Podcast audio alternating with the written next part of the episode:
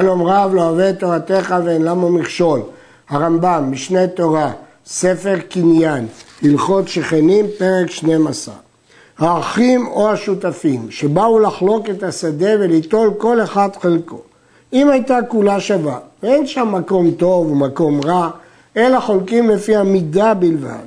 ואמר אחד מהם, תנו לי חלקי מצד זה כדי שיהיה סמוך לשדה האחרת שלי ויהיה הכל שדה אחד, שיהיה לו נוח לחרוש ביחד, שומעים לו וכופה אותן על זה, שעיכובן בדבר זה מידת סדומי, כי להם זה לא משנה אם ייקחו את החצי הזה או החצי הזה, כל החלקים שווים.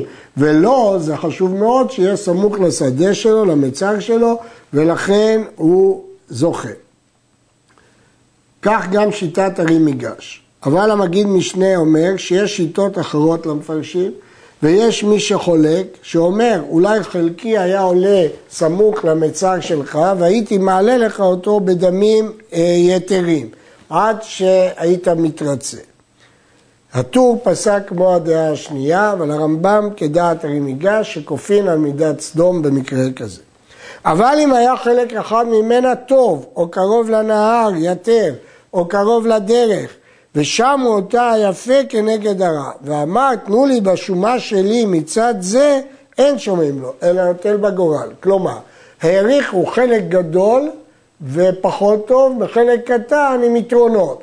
כאן יכול להיות שיש אנשים מעדיפים גדול בלי יתרונות ויש מעדיפים קטן עם יתרונות ולכן זה לא מידת סדום והוא לא יכול לכפות אותה. אמר תנו לי חצי מידתה מן הצד הרע בלא שומה, ותלו אתם החצי הטוב כדי שיהיה חלקי סמוך לשדה שלי. הורו מקצת הגאונים ששומעים לו, ולזה דעתי נוטה, ובו ראוי לדון. מה אכפת להם? הם רק הרוויחו. הוא אומר, אל תיתנו לי יותר, תנו לי רק חצי ובצד הרע, העיקר שיהיה קרוב לשדה שלי. הם מקבלים גם את השדה הטובה וגם את אותה מידה, לא מעלים בשומה.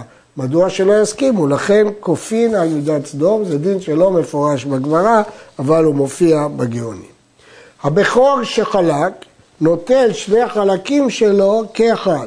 דהיינו, כאשר חולקים פשוט ובכור, חולקים את השדה לשלושה חלקים, החלק האמצעי הוא של הבכור, ועל שני החלקים הקיצוניים יפילו גורל. איזה שיעלה לגורלו, ייטול יחד עם החלק האמצעי, כדי שיהיו שני החלקים שלו ביחד. כי כתוב פי שניים, משמע שיהיו חלק אחד. אבל היבם שחלק עם אחיו בנכסי האב, נוטל חלקו וחלק אחיו בגורל. אם עלו במקום אחד, עלו. ואם עלו בשני מקומות, עלו. היוון זוכה בנכסים של אחיו. נתנו לו דין של בכור, התורה קראה לו בכור לעניין שייטול שני חלקים, אבל לא לעניין שייטול אותם יחד, ולכן כאן הוא לא יכול לחייב אותם ליטול אותם יחד. ארץ מרובעת, שהיה הנהר מקיף לה מזרח וצפון, והדרך דרום ומערב. משני צדדים שלה היה נהר ומשני צדדים שלה היה דרך. חולקים אותה באלכסון כדי שיגיע לזה נהר בדרך ולזה נהר בדרך. אם יעשו את הקו באלכסון, אז שניהם יהיו שווים. לאחד יש בצד אחד נהר, בצד שני דרך וגם לשני. ואם אמר תנו לי החצי שמצד זה שהוא בצד צדי, אז שני החלקים שווים, בכל אחד יש נהר ודרך, שומעים לו. כללו של דבר, כל שהוא טוב לזה ואין על חברו הפסד כלל, כופין את חברו לעשותו. לרש"י יש פירוש אחר בסוגיה שמדובר בדרך מצד אחד ונהר מצד אחר ומחלקים את השדה לשמונה חלקים, אבל זה פירוש אחר.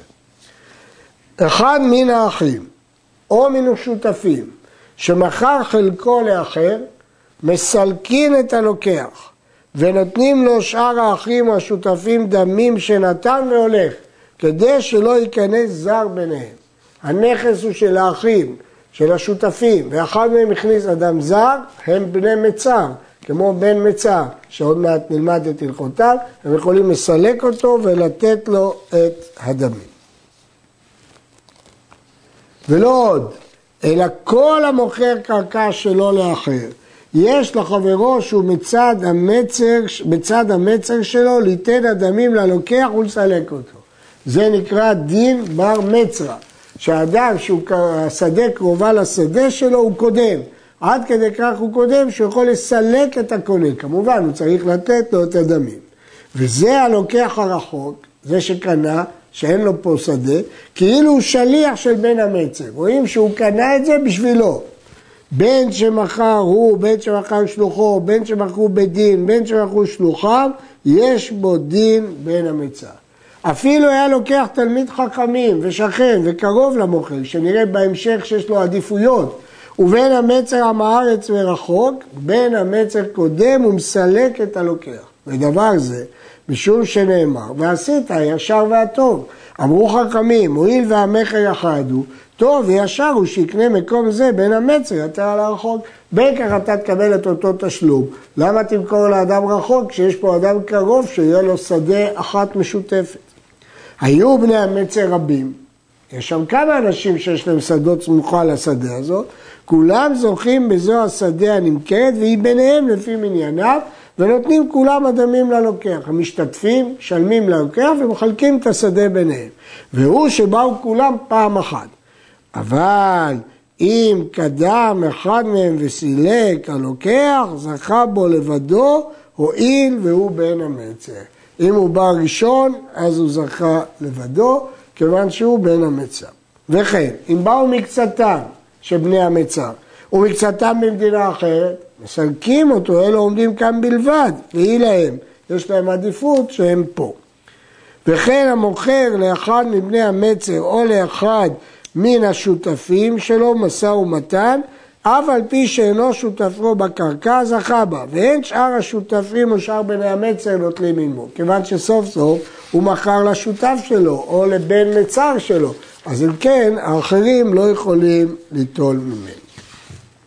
המוכר כל נכסיו לאחד. אין בעל המצר של שדה אחת מסלק את הלוקח מאותה השדה. שהרי היא ואחרות קנה כאחד. הקונה קנה הרבה נכסים, ובין השאר את השדה הזה. אז הכל הוא עסקה אחת, מכר את כל, ובן המצר לא תכנן לקנות את כל השדות שלו, אלא רק שדה אחת.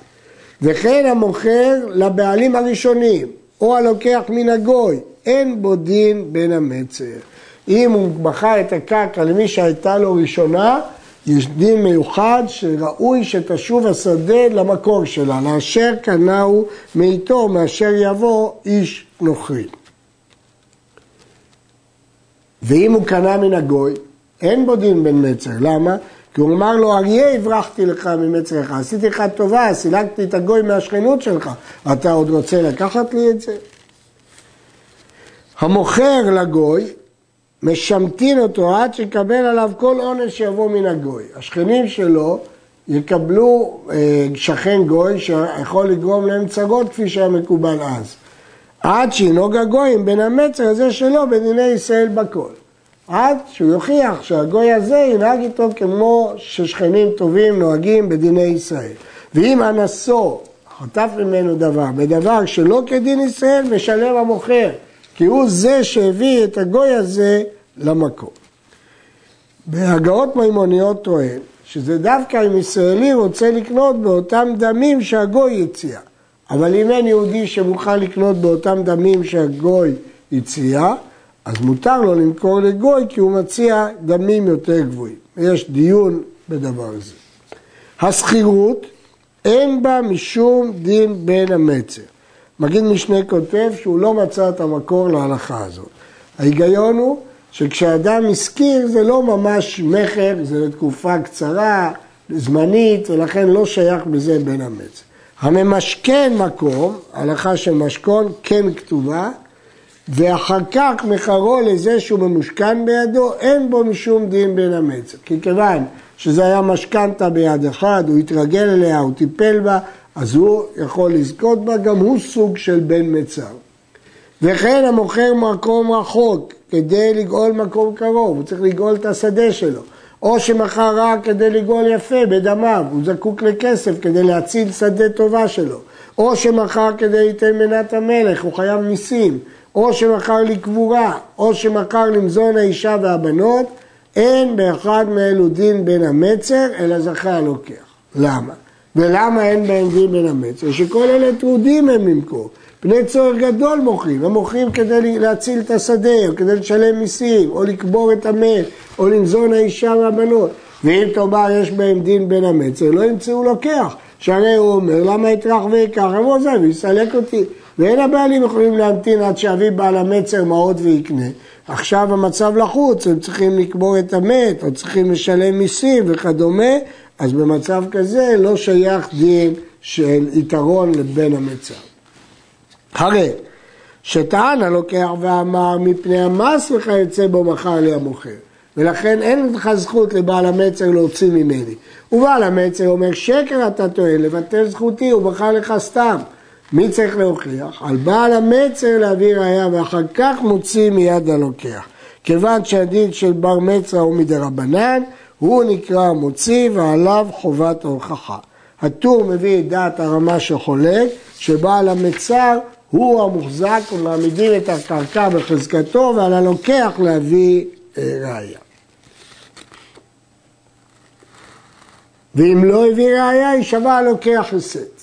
אפילו היה שם בדבר ספק, אין הלוקח מסתלק אלא בראייה ברורה שמביא בעל המצר. כי לפי הרמב"ם, המוחזק הוא הלוקח, ובעל המצר הוא המוציא מידו. לפיכך, אם טען הלוקח ואמר לו גזלן אתה לשדה זו, אריס אתה, או סוחר, או ממשכן, ולכן אתה בכלל לא בר מצר, צריך בעל המצר להביא ראיה שהוא בעל המצר שקרקע לא עסקתו וכן כל כיוצא בזה. עליו הראיה, כי הוא רוצה להוציא את השדה מהלוקח. וכיוון שעליו להביא ראיה, הוא צריך להוכיח שבאמת הוא דין מצר. רואים פה בפירוש מהרמב"ן שהסוחר קרקע או שהיא ממושכנת לו, אין לו דין בר מצרה, והוא צריך להוכיח שהוא ממש קונה ולא סוחר או ממשכן. כי כל הדין של בר מצרה זה להגן על השכן שיש לו שדה פה, שתהיה לו שכן רצופה, אבל לא על סוחר. המוכר ליתומים קטנים, אין בו דין בעל המצר. הטוב והישר שעושים חסד עם אלו, יותר מבעל המצר. עדיף לעשות חסד עם היתומים שהם קנו, מאשר עם בעל המצר, שזה מדין עשית הטוב הישר. מסיק מזה הגאות מימוניות, שאם בן המצר חי ברווח והלוקח חי בדוחק, נותנים ללוקח, כי פה לא שייך ועשית הישר והטוב. וכן המוכר לאישה, אין בו דין בעל המצר, מפני שאין דרכה לטרוח תמיד ולקנות, והואיל ולקחה, חסד הוא שתעמוד הקרקע בידה. קשה לאישה לרכוש, ואם היא קנתה, אז הישר והטוב זה להשאיר אותה ולא לתת לבעל המצר. בחר לטומטום ואנדרוגינוס שהם ספק איש ספק אישה, אין בעל המצר יכול לסלקן מפני שהם ספק אישה. הייתה הקרקע של אחד והבניין או האילנות של אחד. אם יש לבעל הבניין או לבעל האילנות זכות בקרקע, כל אחד מהם בן מצר לחברו. לפיכך, אם מכר אחד מהם חלקו, חברו מסלק הלוקח. כי מי שיש לו את האילנות, יש לו זכות בקרקע, הוא בן מצר. מי שיש לו קרקע, יש לו זכות, הוא בן מצר. אבל אם אין לבעל האילנות על בעל הבניין כלום בקרקע, אלא כל מה שירצה יאמר לו עקור אילנך או הרוס בניינך, אז הוא באמת לא בן מצר. הוא מכר בעל השדה, זכה לוקח, כי אין לבעל האילנות זכות בשדה, ואין בעל האילנות או בעל הבניין מסלק אותו. ואם מכר בעל האילן או בעל הבניין, הרי בעל הקרקע מסלק אותו, כי בעל הקרקע ברור שיש לו זכויות בקרקע. היה מפסיק בינו ובין מצר חברו, רכב של דקלים, או בניין גבוה וחזק, או גומה וכיוצא בהם. רואים, אם יכול להכניס אפילו תלם אחד בתוך הדבר המפסיק עד שיתערבו שתי השדות, הרי זה בן מצר שלו, הוא מסלק עליו, כי בקלות הוא יכול לשתף את שתי השדות, ואם לא, אז הוא לא יוכל לעולם לשתף את שתי השדות, אז אין לו שום יתרון. אינו מסלק הלוקח. הרשב"א כותב, שמעתי בשם רבנו תם, שמכאן למדנו שאין בבתים דין בין המצר, שהרי מפסיק כותל ביניהם. אבל אה, יש שמחלקים, זה לא דומה לרכב של דקלים, כי כותל שבין בתים אפשר להרוס אותו ולצרף את הבתים יחדיו. עד כאן.